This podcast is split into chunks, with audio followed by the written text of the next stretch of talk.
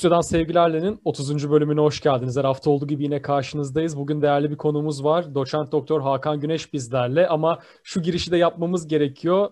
Hakan Hoca bizim ilk konuğumuzdu 3. bölümde. 30'da tekrardan konuğumuz oldu. 300'de umarız yine konuğumuz olur. Rusya'dan Sevgilerle de bu kadar uzun sürer. Hoş geldiniz hocam. Hoş bulduk. Harika bir anımsatma oldu. O kadar oldu değil mi? Evet o kadar oldu. Sayı bakımından bravo. Gerçekten hepsi çok dolu dolu epeyce programa imza attınız. Meraklı çok dinliyoruz. teşekkürler hocam. Sizi. Bugün Ukrayna'yı konuşacağız ama zaten son haftalarda Ukrayna neredeyse herkes tarafından konuşulan bir mevzu. Biz birazcık daha bunun dışına çıkarak 2021'e nasıl geldiğimizi 90'ların başından itibaren alarak anlatmaya ve anlamlandırmaya çalışacağız. Ve ilk sorumuz da şu olsun Hakan Hoca'ya. 1990'lar deyince hep Rusya'nın kapitalizmi aklımıza geliyor. İşte oligark devleti aklımıza geliyor. Rusya üzerinden bir takım tahayyüllerimiz var. İnsanlar az çok Rusya'da neler gerçekleştiğini, işte ticaretin nasıl aktığını, özelleştirmenin nasıl yapıldığını, insanların nasıl acı çektiğini biliyorlar. Ama Ukrayna hep biraz daha geri planda tartışılan ya da daha az bilinen ya da daha az aktarılan bir ülke oldu. Belarus'la birlikte. Çünkü aslında Sovyetler Birliği'ni bu üç ülke dağıtmıştı Belovej'de. Belarus, Ukrayna ve Rusya bir Slav birliği tadında son vermişlerdi Sovyetler Birliği'ne. Ama Ukrayna'nın bu 90'lar süreciyle başlayalım aslında. 90'lar peki Ukrayna için ne demekti özellikle ekonomik olarak? Evet. Rusya'ya çok paralel, çok yakın bir şey var. ne diyelim, serencamı var Ukrayna'daki geçişinde. Belarus farklı bir yol izledi, Beyaz Rusya. Yani daha ne diyelim tedrici bir şekilde, yavaş bir şekilde bu kapitalizme geçiş sürecini yayma yolunu seçtiği için maliyetleri en azından ilk başta sosyal maliyetleri daha az olmuştu. Buna karşılık işte Kazakistan, Ukrayna, Kırgızistan diyelim bunların çoğu Rus modeli dediğimiz ya da işte uluslararası literatürde şok terapi diye bilinen usulle geçtiler. Yani çok hızlı bir biçimde neredeyse bütün temel e, endüstri kollarını işletmelerin işletmeleri özelleştirdiler. Fiyat liberalizasyonu e, yaptılar, sübvansiyonları kaldırdılar. Dolayısıyla halkın e, işte iyi kötü ellerinde bir apartmanları, daireleri vardı. Yani bunun dışında çok böyle radikal bir konut sorunu mesela Rusya'da da yaşanmadı, Kazakistan'da da, Ukrayna'da da yaşanmadı ama bunun dışında geçimi sağlayacak bir e, ücretten mahrum kaldılar. E bu da doğal olarak e, bütün bu ülkelerde olduğu gibi bir birinci olarak ne oldu? Bir müthiş bir dış göç dalgası yarattı. Herkes gidebildiği, e, e, en hızlı ulaşabildiği ve en çok para kazanabileceği ülkelere doğru e, gitti. Tabii ama bunu yapabilenlerin sayısı sınırlıydı. İkinci olarak tabii ki e, ülke içindeki işte pek çok yolsuzluk e, hali ortaya çıktı. Mafyanın kol gezdiği, günlük ortalama böyle 500 adet suçun polis kayıtlarına girdiği falan böyle bir daha kriminal bir dönem. Bu açıdan Kiev, Moskova çok yakın şeyler yaşadı, durumlar yaşadı. Dolayısıyla yani bu burada da e, kapitalizme geçişi böyle çok acı e, şekilde tecrübe etti halk. Batı ile olan ilişkiler çok ön plana çıkmadı çünkü bu aşamada Batı'nın özellikle ilgi duyduğu ya da henüz ne diyelim e, silahlandırıp silahlandırmayacağı yahut işte bir Avrupa Birliği yahut NATO perspektifine dahil edip etmeyeceği bir yer değil. Yani bu tür daha Ukrayna bağımsızlaşmadan ya da Sovyetler Birliği dağılmadan bazı entelektüellerin e, e, mesela büyük bir projeksiyon olarak ki Türkiye değil de Ukrayna girecek AB'ye falan diye benim öğrenciliğimde hatırlıyorum böyle yazılar ciddi makaleler falan da yazıldı ama bunlar e, makaleydi yani. E, fakat isabetlilermiş yani. O da, onun da ayrı mesele. Kütüphanemi epey karıştırdım o, ta, o şeyi bulmaya çalışıyorum. Üstelik yazan da e, Paşayev e, soy isimli bir Azeri kökenli bir e, bir e, eski diplomat. Çok enteresan. Neyse bulursam e, paylaşırım e, e, sosyal medyayla. Şimdi ama bunun dışında yani bu, bu tür yazılar falan dışında esas tabii ki Ukrayna'da diğer ülkeler gibi kendi iç gündemine e, boğulmuş idi. Bu tarihlerde aslında Gorbaçov'un son yıllarında başlayan Kırım Tatarlarının dönüşü belki biraz bir parça bir hani siyasi gündem olarak önemle e, altı çizilebilecek başlıklardan bir tanesi. Özellikle Özbekistan'da ama Orta Asya'nın birçok e, noktasına dağılmış Kırım Tatar nüfusu Gorbaçov döneminden itibaren yavaş yavaş dönme hakkını elde eder oldu. Efendime söyleyeyim ve bu da tabii bir hani bağımsızlığın ilk yıllarında da ee, Ukrayna gündeminde ne vardı derseniz bu gelen insanlar. Fakat gelen insanlar bu yoksullukla ne diyelim eş yaşanan sürecin bir parçasını yaşadılar. Onlara ev gösterecek, yer gösterecek bir mekanizma yoktu. Artı zaten işte Ukrayna milliyetçiliği de giderek yükseliyordu. 90'lar deyince benim aklıma ekonomik yıkım geliyor. İkinci olarak da milliyetçilik geliyor. Ama her türden. Yani gerek diyelim ki Gürcü, Ermeni, Azeri milliyetçiliği, gerekse bunların içindeki diyelim ki Oset, Abhaz milliyetçiliği ya, ya da Rus milliyetçiliği Rusya'da. Yani yeni bir hani yeni bir ideolojiye ihtiyaç var. Hem resmi milliyetçilikler anlamında hem de aşırı milliyetçilikler anlamında her türüyle. Yani Bolşevik e, nasyonel sosyalistinden tutun da e, böyle adlandıran kendini Limonov'u hatırlayalım.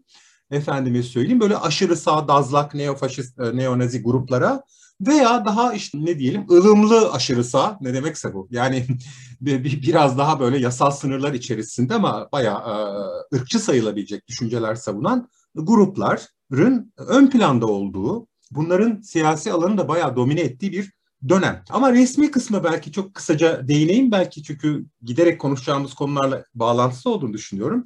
Elbette bu tarihten itibar yani 1991 Ağustos'u mu deriz ya da işte tam resmi 1991 ne diyelim aralığı mı deriz ama yani 92'ye girerken tamamen Sovyetler Birliği bitmiş ve yeni ülkeler yeni paraları, yeni bayrakları e, ile yeni hayatlarına başlamış iken tabii ilk yapılan işler neredeyse istisnasız yeni ders kitapları oldu. E, Ukrayna'da bir istisna değil. Dolayısıyla tarihi yeniden yazmaya başladılar. Aslında birçok olayın e, ne diyelim e, altında bu, bu olayı görebiliriz. Yani böyle bir günde bir e, Ukrayna ayrıksı bir Ukrayna milliyetçiliği e, çıkmadı. Bu Rus yanlısı olarak genellikle kabul edilen e, Kravçuk döneminde yani bağımsız dönemin ilk Sovyet döneminin son bağımsızlık döneminin ilk cumhurbaşkanı yahut ondan sonra 10 yıl işte bu bütün e, turuncu devrime kadar ülkeyi yönetecek olan Kuçma döneminde e, üretilen e, tarih anlatıları giderek daha güçlü bir Ukrayna kimliğine vurgu yaptı ve bu milliyetçilik, resmi milliyetçilik kısmı da bu anlamda giderek kök saldı Ukrayna'da. 90'lar deyince benim aklıma daha çok bunlar geliyor. Hocam aslında tam benim sormak istediğim noktayı siz getirdiniz. Bu yüzden teşekkür ederim. Ukraynalı deyince hem dünyada hem Türkiye'de hem de Ukrayna'da hem Rusya'da insanlarda çok farklı imgeler canlanıyor. Ve tabii bu bahsettiğiniz tarih kitaplarından yararlanarak özellikle Rusya'da yani işte Sovyetler Birliği'nin resmi e, ne diyelim halefinde e, çok farklı bir imaj çizildiğini görüyoruz. Yani Ukraynalılar aslında Rus'tu, Rus köylüleriydi. Fakat işte gerek Lehlerin gerek işte Tatarların etkisiyle farklılaştılar. Halbuki konuştukları dil aynı. E, veya işte burada Navarasiya diye ülke var, Kırım diye e, Rus topraklarına bağlı belli adacıklar, e, alanlar, araziler var. Fakat bunlar işte farklı dönemlerde işte Hruşov gibi adamların hataları sebebiyle Ukrayna'ya verildi. Yani genelde özellikle Rus dünyasında çizilen anlatı bu. Ee, ve hani dünyada da çok biz Rusların veya Türklerin işte bir kimlik bunalımını biliriz. Batılı mıyız, doğulu muyuz? Ama Ukraynalılarda çok daha boyutlu bir kimlik bunalımı görüyoruz. İşte biz Rus muyuz, biz Batılı mıyız, doğulu muyuz? Ee, 90'larda itibaren yaşanan bu kimlik bunalımını, tarih, anlat tarih yazımını nasıl değerlendiriyorsunuz? Ve tabii bunun hala devam ettiğini görüyoruz. Ee, bugün Ukraynalılar buna bir cevap bulabilmiş mi ve Ukraynalılar aslında kimdir? Kısacık bir parantez olarak bundan da belki bahsedebiliriz. Evet ama bu bunun kısa bir parantez olması ol mümkün değil. Çok önemli evet. bir konu. Belki ama hızlandırılmış bir e, yaklaşımla e, şey yapabiliriz, resmetmeye çalışabiliriz. Hemen baştan söyleyeyim ben sanıyorum Rus tezine biraz daha yakınım. A, e, ama izah etmeye çalışayım ne anlamda yakın olduğumu. Aynı şey Şimdi, şey tabii Belarus için de geçerli yani. Tabii, tabii, tabii. Şimdi bir, bir kere e, politik olarak bir halk, bir bölgedeki insanlar kendilerini eğer farklı olarak adl- adlandırıyorlarsa e, benim veya başka birisinin bu konuda bir fikir yürütmesinin hiçbir anlamı yok. E, onlar kendilerini Ukraynalılar, Ukrayna halkı Ruslardan farklı bir halk olarak, bir e, ulus olarak e, adlandırıyorlarsa ki şimdi gördüğümüz kadarıyla büyük ölçüde böyle bir kere buna saygı duymak lazım. Ben saygı duyuyorum. Ama eğer bana bunun e, linguistik olarak yani dilsel açıdan e, bir lehçe mi, ayrı bir dil mi olduğunu soracak olursanız ben burada Rus tezine daha yakın olurum. Bir, tarihsel süreç açısından da hani bunu e, birazcık bilen bir parça hani e, haddimi aşmıyorum ama az buçuk bu konuları çalışmış. Özellikle ders kitaplarını uzun uzun çalıştığım zamanında. E, bunlara biraz bakmış birisi olarak e, farklı bir halk görüyor musunuz dersen o zaman da hayır. Önce birincisiyle başlayayım. Şimdi e, çok temel olarak e, lehçe dili ayırt eden şey için karşılıklı anlaşılabilirlik diye bir kriter kullanılır. Nedir bu? E, mutually intelligibility. Yani e, eğer ortalama eğitimli iki yurttaş yani Moskova'dan bir e, diyelim ki lise mezunu e, insanla Kiev'den e, lise mezunu bir insanı kendi dillerinde konuşarak, kendi lehçe ya da dillerinde konuşarak eğer çok temel öyle e, taksi bir dur e, bana üç elma ver falan gibi basit cümleler değil ama normal hayatlarını idame ettirecek kadar eğer birbirlerini anlıyorlarsa biz bunlara bir ve aynı dil diyoruz. Onun için de yalnız aksan veya lehçe düzeyinde ayrımlara gidilebilir. Mesela vokabüler olarak biri daha Almanca almıştır da öbürü biraz Fransızca almıştır ve benzeri. Şimdi buradan baktığımızda Ukraynaca ile Rusçayı yani Kiev'de konuşulan Ukraynaca ile Moskova'da konuşulan Rusçayı böyle çok e, ne diyeyim ayrı diller olarak tanımlamak çok zor. Ama başta söylediğimi hatırlatayım. E, bu halk bunu ayrı olarak tanımlıyor. Ben politik olarak buna hiçbir şey demiyorum. Kabul.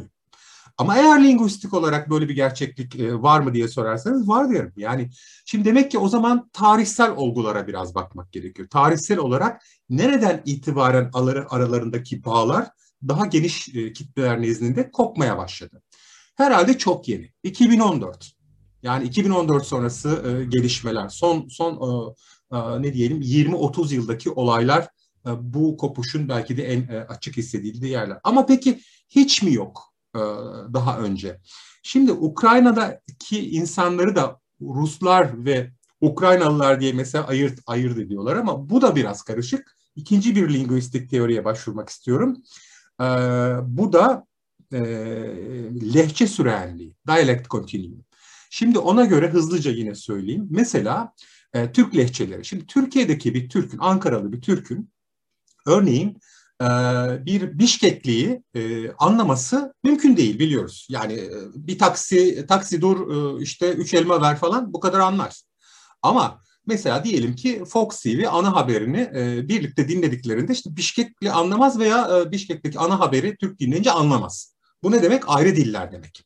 Ama büyük bir alt var. Fakat şimdi bahsedeceğim teori şunu söylüyor. Diyor ki eğer siz bir coğrafyadan öbür tarafa doğru farklı lehçeler arasında hareket ederseniz bir sürenlik de bulabilirsiniz. Nedir o? Mesela e, Ankaralı e, Erzurumluyu e, Karslı'yı anlar. Karslı işte diyelim ki Nahçıvanlı'yı Azeri.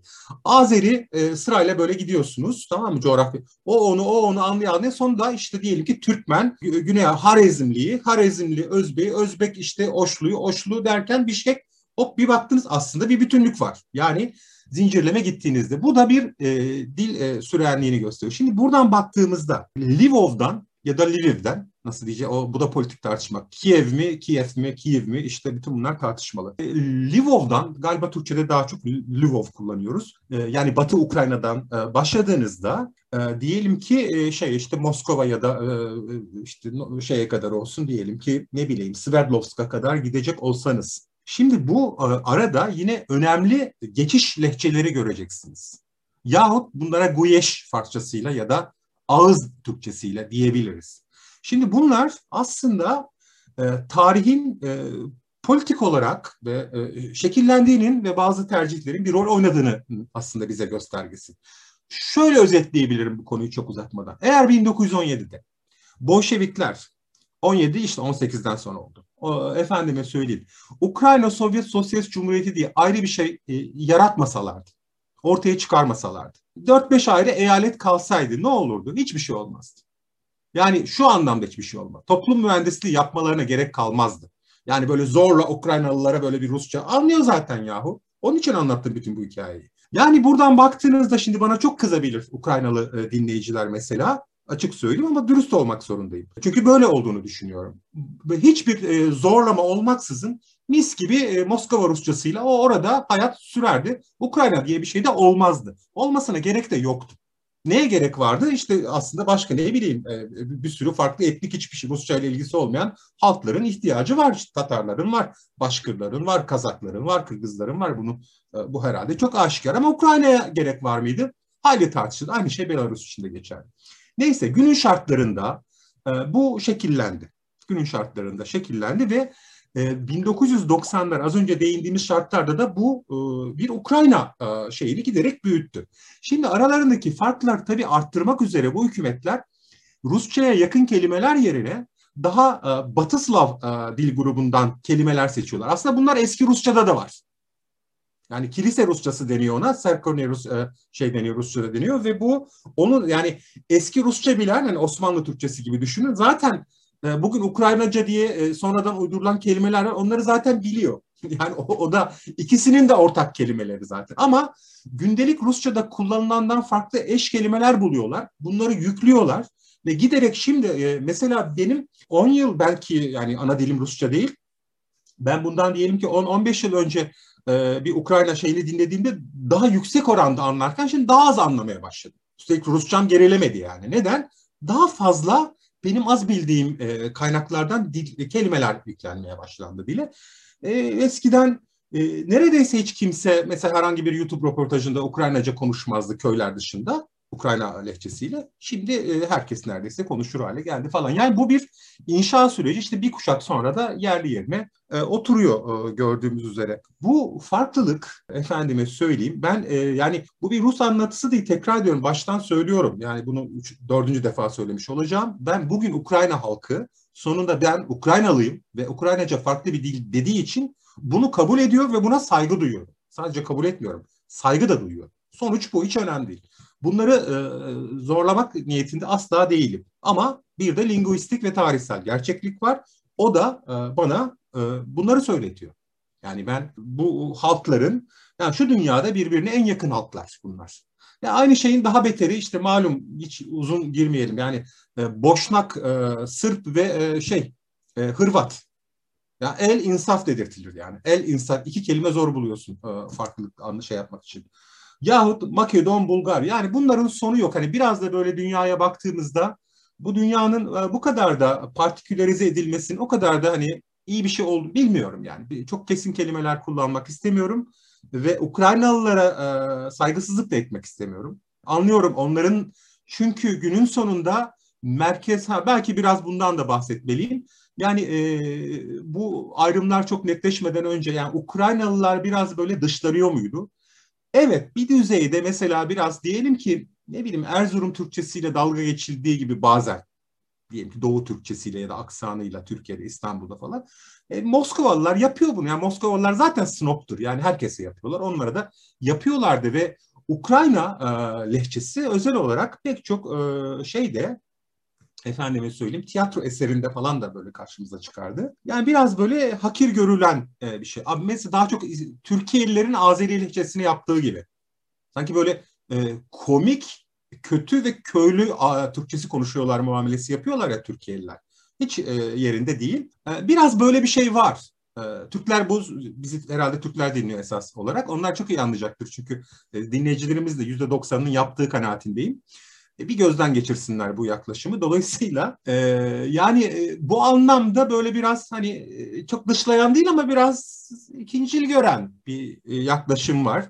Bir de tabii bu İkinci Dünya Savaşı'ndan sonra, pardon hemen öncesinde e, Sovyetler Birliği toprağına katılmış olan ve epeyce bir süre Sovyet Ukraynası'ndan ayrı yaşamış, bir de çok önemli altını çizelim, Polonyalılar gibi Katolik olan bir e, Batı Ukrayna var. Şimdi burası da yak kabaca üçte bir, dörtte bir ölçeğinde. Yani coğrafi ve nüfus olarak üçte bire yakın diyebileceğimiz bir ölçekten bahsediyoruz. Şimdi buranın katılmasından sonra biraz böyle Ukraynalı yani biraz böyle dışlanan pek sevilmeyen Ukraynalı figürü daha çok Lvovluydu.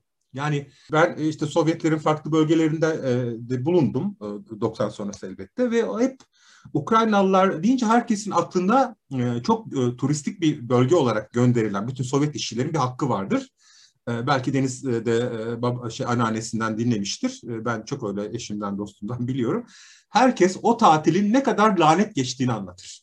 Yani Lvovlu satıcıların, Batı Ukraynalı satıcıların insanların suratına bakmadığını, Sovyet turistlerine ister Rus olsun, ister Estonyalı, ister Kazak, ister Özbek böyle e, çok kötü muamele ettiklerini bu bir e, şehir efsanesi midir bilmiyorum ama sanmıyorum çünkü ben bunu çok sayıda şehirde çok farklı etnik gruptan dinledim. Sovyet halkından dinledim. Yaygın kanaat bu şeyler ya bunlar uyumadı ya burada bir kan uyuşmazlığı var. Çünkü e, biraz zorla şey yaptılar. E, bunlar daha işte e, farklı bir politik eğilimde. Milliyetçiliğin çok güçlü olduğu.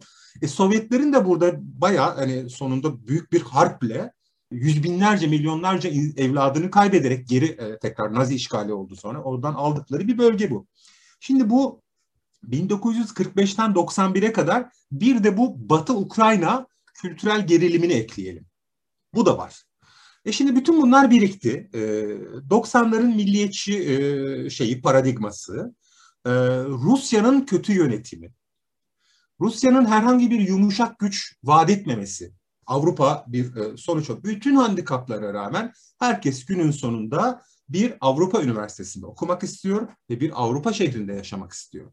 Aynı şey Rusyalı gençler için de geçerli. E Ukraynalılar için niye geçerli olmasın? Giderek Avrupa paradigması tabii ki e, öne çıktı Avrupa'nın yumuşak gücü ve bu politik olarak işte 2004-2005'te e, e, Doğu Avrupa ülkelerinin NATO'ya, Avrupa Birliği ve NATO'ya bir kısmının eş zamanlı olarak girdiği dönemeçten sonra sınır geldi Ukrayna'ya. Şimdi bu andan itibaren bu bir politik gerilim e, hattı oluşturdu ve o günden bu yana çok sert Batı-Doğu karşılaşmasının da içine al alan, az önce konuştuğumuz bu tarihsel, kültürel gerilimleri de e, içinde barındıran bir e, bir e, konfrontasyona, bir çatışmaya dönüştü. İlk turu yumuşak atlattılar. Yani turuncu devrim olduğunda yumuşak atlattılar bunu çünkü Rusya'da e, şey yapmadı, kasmadı, yani germedi. Seçimler hileli oldu diye halk sokağa çıktı. Sonunda kabul ettiler. Peki dediler. Yani o devrimin o şeyin sokak gösteren etkisiyle seçimler yenilendi. Kuçba'dan sonra kimin geleceği konusunda. Efendime söyleyeyim Yanukovic'in kazandığı söylenmişti Rusya yanlısı. Tamam dediler kaybettik. Fakat dikkatimizi çekeyim hatırlatayım yine. Bu e, fark da şunu gösterdi bize. Turuncu devrimden sonra yenilenen e, seçimlerde ya işte yüzde e, kaçtı?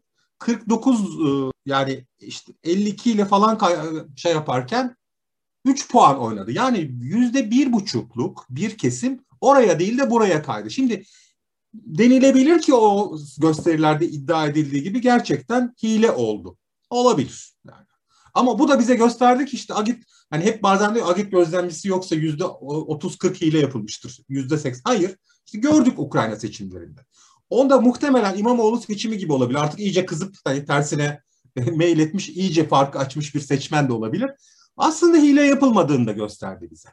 Hile yapılmadığını gösterdi. Ben e, Rus seçimlerinde hile yapılmadı demiyorum. Onu yanlış anlaşılmasın. Ama mesela burada e, onu gördük. Çünkü yenilendi agit gözlemciliğinde uluslararası anlamda her türlü gözlemcilik nezdinde. Ya yüzde bir buçuk oradan oraya geçti. Tamam Batı yanlısı hükümet geldi efendime söyleyeyim e, şeyle Yanukovic'le Timoshenko bloğu geldi. Tamam. Beş yıl kaldılar. E ne oldu Rusya sabretti. Bu kez o seçimde tamam kazandı dedik sonra kaybetti anlaşılan neyse. E, Yanukovic seçimleri kazandı 2010'da. Kazandıktan sonra yine normal süresinde devam ediyordu. Fakat bu kez yine Avrupa Birliği ve Avrasya e, Birliği e, tartışmaları çıktı. Ve bu sefer ikinci olay. Bu sefer yumuşak olmadı. Bu sefer herhalde modern tarihin görmüş, görüp göreceği en korkunç olaylara sahne oldu. Sahne oldu. Euro meydan dediğimiz olaylar 2013 e, aralığından işte 2014 Şubat'ına kadar uzanan bir buçuk iki aylık bir süreç. Bu bunun detaylarına eğer gerek varsa bilmiyorum gireriz ama çoğu zaten dinleyicimizin bildiğini düşünüyorum. Bu, bu gerçekten en sert yöntemlerin, en fazla dış açıkça dış müdahalenin olduğu, en e, acımasız radikal Nazi gruplarının işin içinde olduğu korkunç bir e, olay yaşandı. Ben yani konuşurken bile aklıma e, bazı sahneler geliyor. Çok zorlanıyorum bu tarihi hatırlamakta.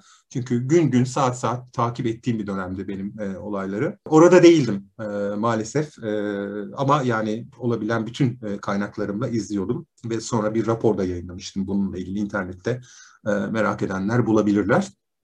Efendime söyleyeyim. Dolayısıyla e, hakikaten korkunç bir dönemeçten geçtiler ve bu artık tabii e, Ukrayna e, halkını e, çok zor bir dönemeci soktu. Ardından Kırım, Doğu Ukrayna'nın işte e, Donetsk ve Lugansk'ın halk cumhuriyeti ilan etmesi, bağımsızlık ilan etmesi, ayrılıkçıların ortaya çıkması ve benzeri.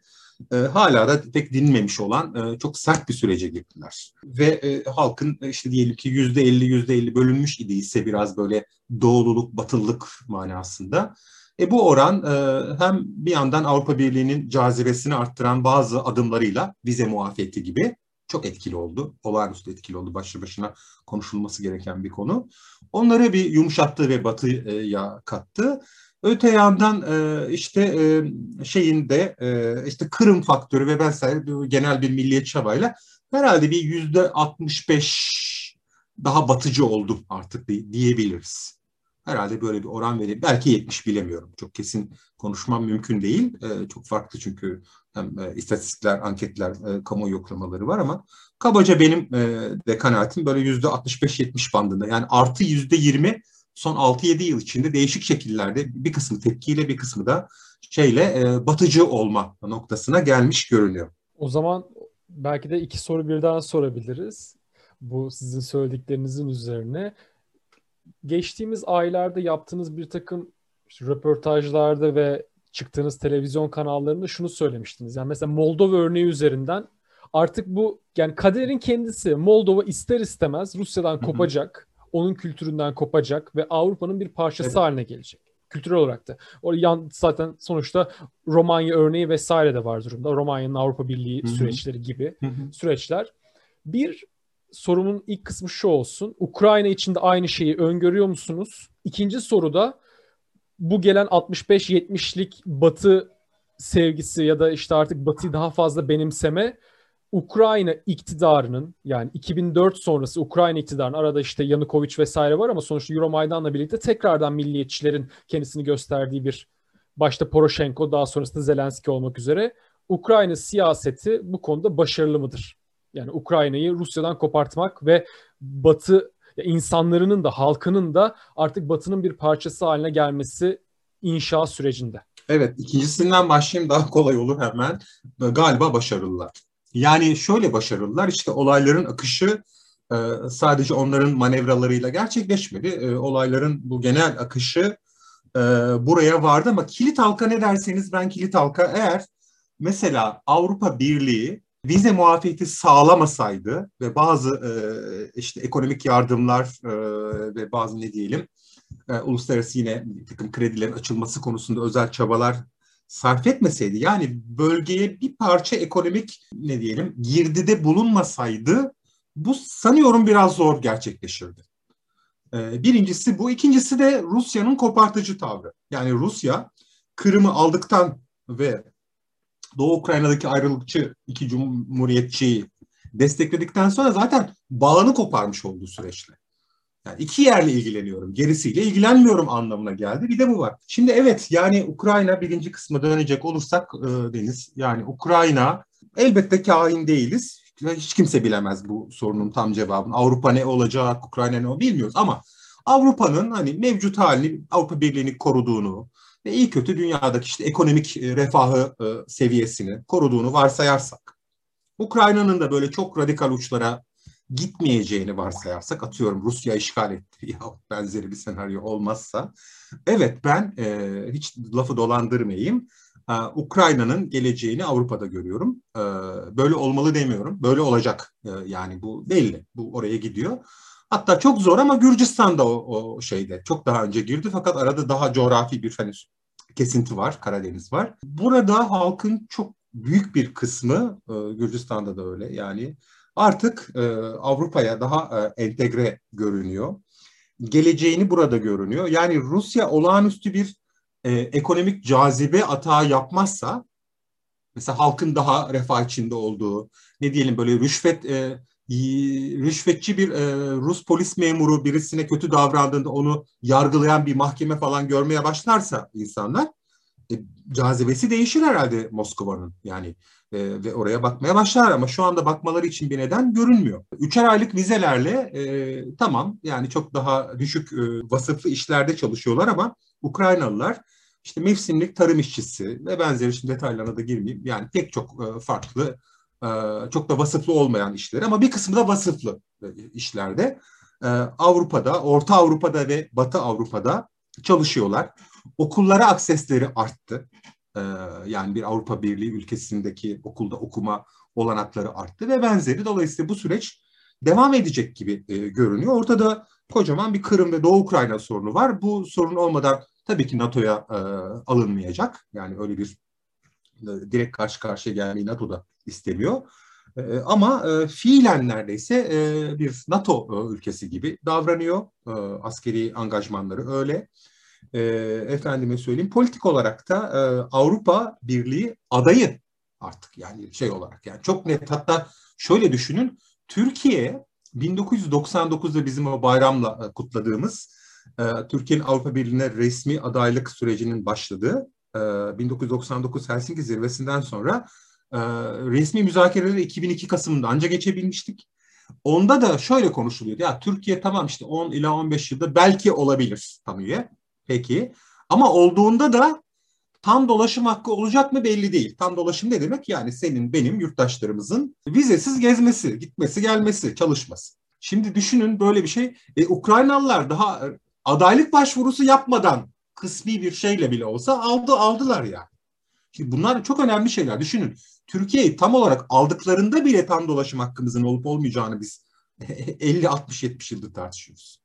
Bu şartlarda evet sonuçta e, örnekleri çoğaltabiliriz ama Ukrayna'nın e, Avrupa yönündeki ilerleyişi e, sürecek gibi e, sürecek yani bu bu öyle görünüyor. Buradaki zor konu da işte Doğu Ukrayna ve özellikle Kırım konusunda karşılıklı tanımaların gelip gelmeyeceği.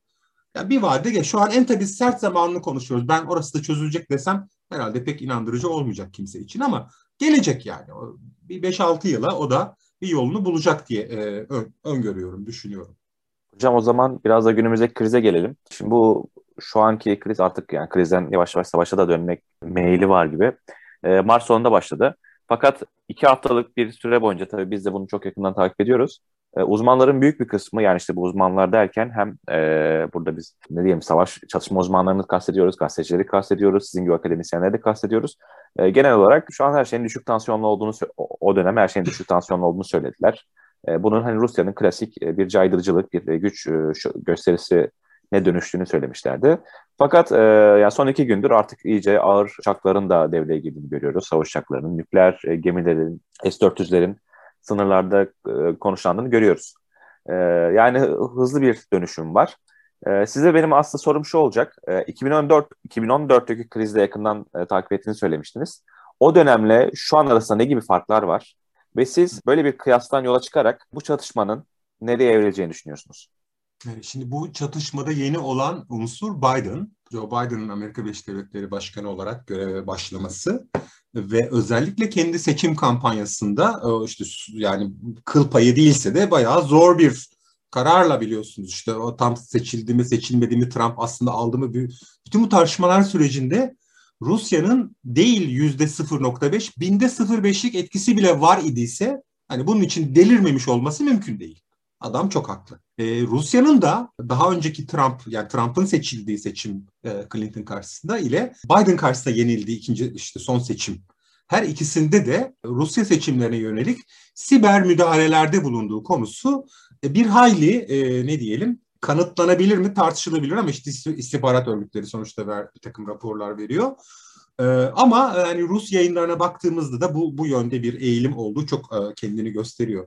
Şimdi en azından Biden'ın e, ekibinin daha önceki e, yine demokratların yaptığı açıklamalara bakılırsa bir kere yani Putin'e e, bir ders vermek istedikleri çok anlaşılıyor. Birincisi bu. E, ikincisi e, bu kişisel hikayeden bağımsız bir gerçek hikaye var. O da e, Sovyetler Birliği daha dağılmadan önce e, Avrupa, Doğu Avrupa Sovyetler Birliği hattının nasıl şekilleneceğine ilişkin gelişmelere baktığımızda e, bu dönemden itibaren verilen bir söz olduğuna inanıyor Rusya ya da böyle iddia ediyor. Gorbaçov ve Baker'ın verdiği bir söz var Reagan döneminde ve deniyor ki evet bu Doğu Avrupa'daki rejimler değişecek ve Sovyetler Birliği askeri müdahalede bulunmayacak. Sovyetler Birliği buradan çekiliyor Varşova Paktı'ndan.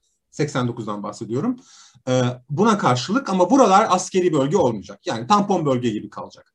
Zaten İkinci Dünya Savaşı'nda öyle iki tane ülke vardı. Onlar Finlandiya ve Avusturya'ydı bu ikisinin. Şimdi Batı bırakınız e, Finlandiya ve Avusturya'nın bu statüsünü e, şey yapmayı, korumayı bütün Doğu Avrupa'ya girdi. E, o, yani Rusya böyle olmaz diyor. Ne olmaz dediyse oldu Rusya'nın başına geldi.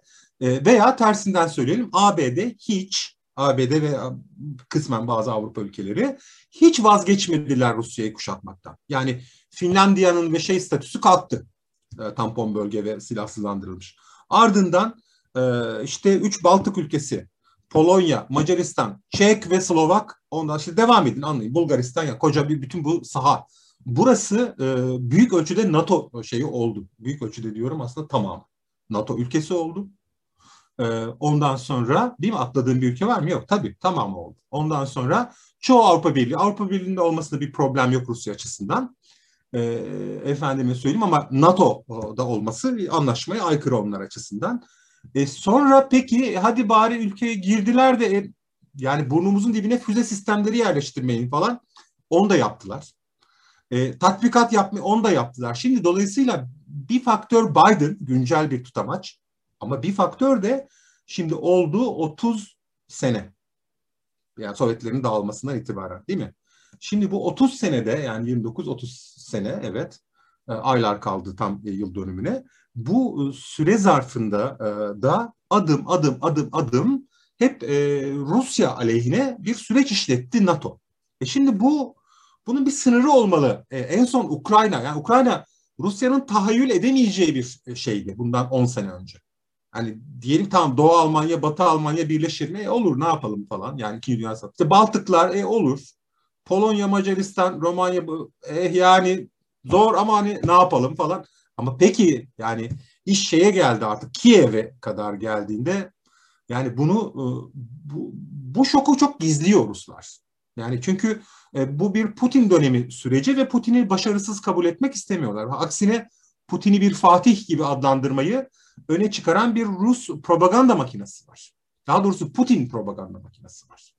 Yani koca e, aslında bütün bu süreçte Doğu Osetya'da Gürcülere, küçücük Gürcistan'a ders vermiş. Bravo yani çok çok büyük başarımış gibi anlatan iki saatte Tiflis'e gireriz efendim havaları. Tabii yaparsın. Ne, ne bekliyorsun Allah aşkına? Küçücük Gürcistan zavallı Gürcü halkı. Yani ne istiyorsun ondan? Yani ona böyle yüklenen e, ama Batı'da tek ilerlemesi yok ve hayır dediği her şey az önce saydım tek tek. Hayır dediği her şey olmuş. Ve Putin döneminde de olmaya devam etmiş ve ediyor.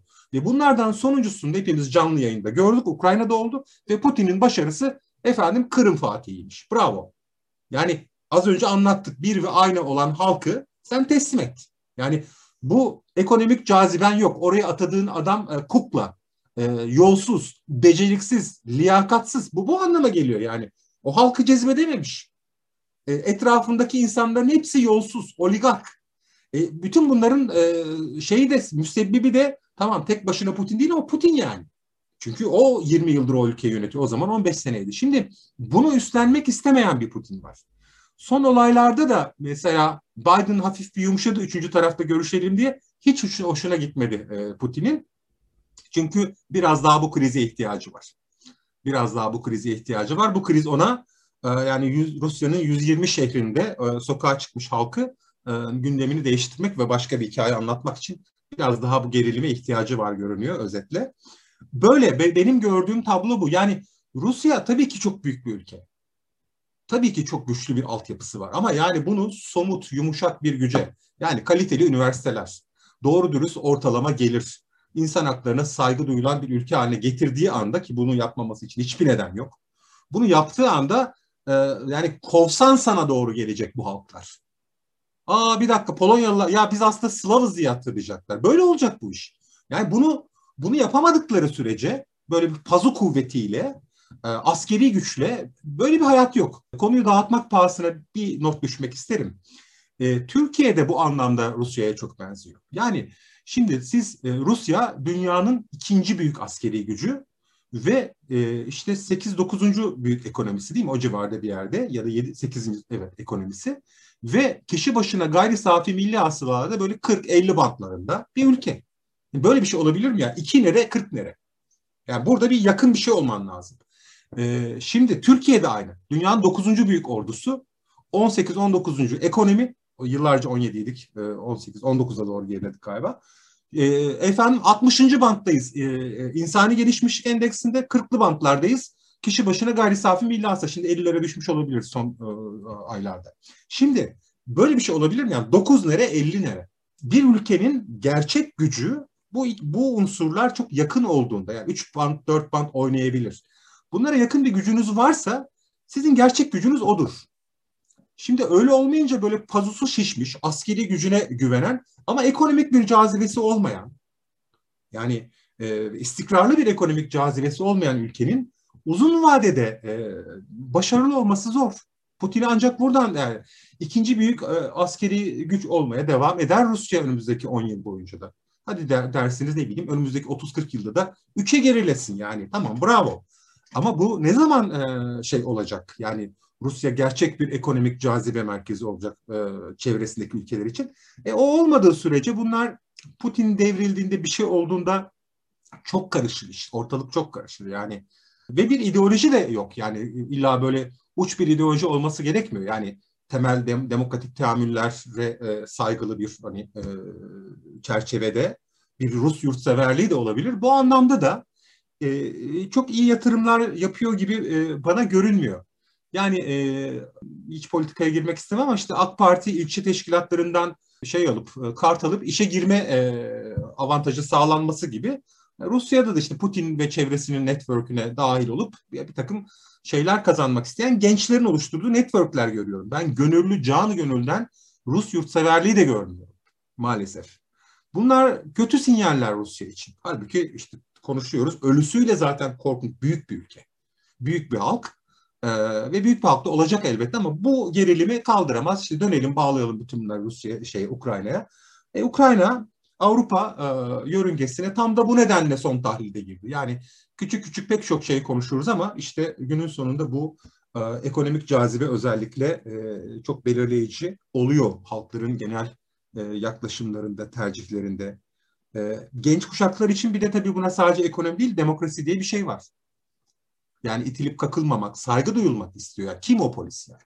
Kim o? Yani tamam polis görevini yapacak, koruyacak beni, güzel. Başım derde girdiğinde ilk ona sığınacağım, kabul. Ama yani elinde bir güç olduğu için benim bir yazıma, bir sözüme ya da sokaktaki yürüyüşüme e, müdahale edemeyecek. Yani bu, bu bunu ne Belarus halkı, bu kadar eğitimli insanlar, ne Ukrayna halkı, ne başka bir halk kabul etmez yani. Bir de bu ekleniyor. Bu açıdan da tabii ki Rusya, Rusya yanlısı yönetimler çok iyi şeyler e, vermiyorlar. E, sınavlar vermiyorlar. Peş peşe kaybetme süreci de galiba görmeye devam edeceğiz. Öyle görünüyor.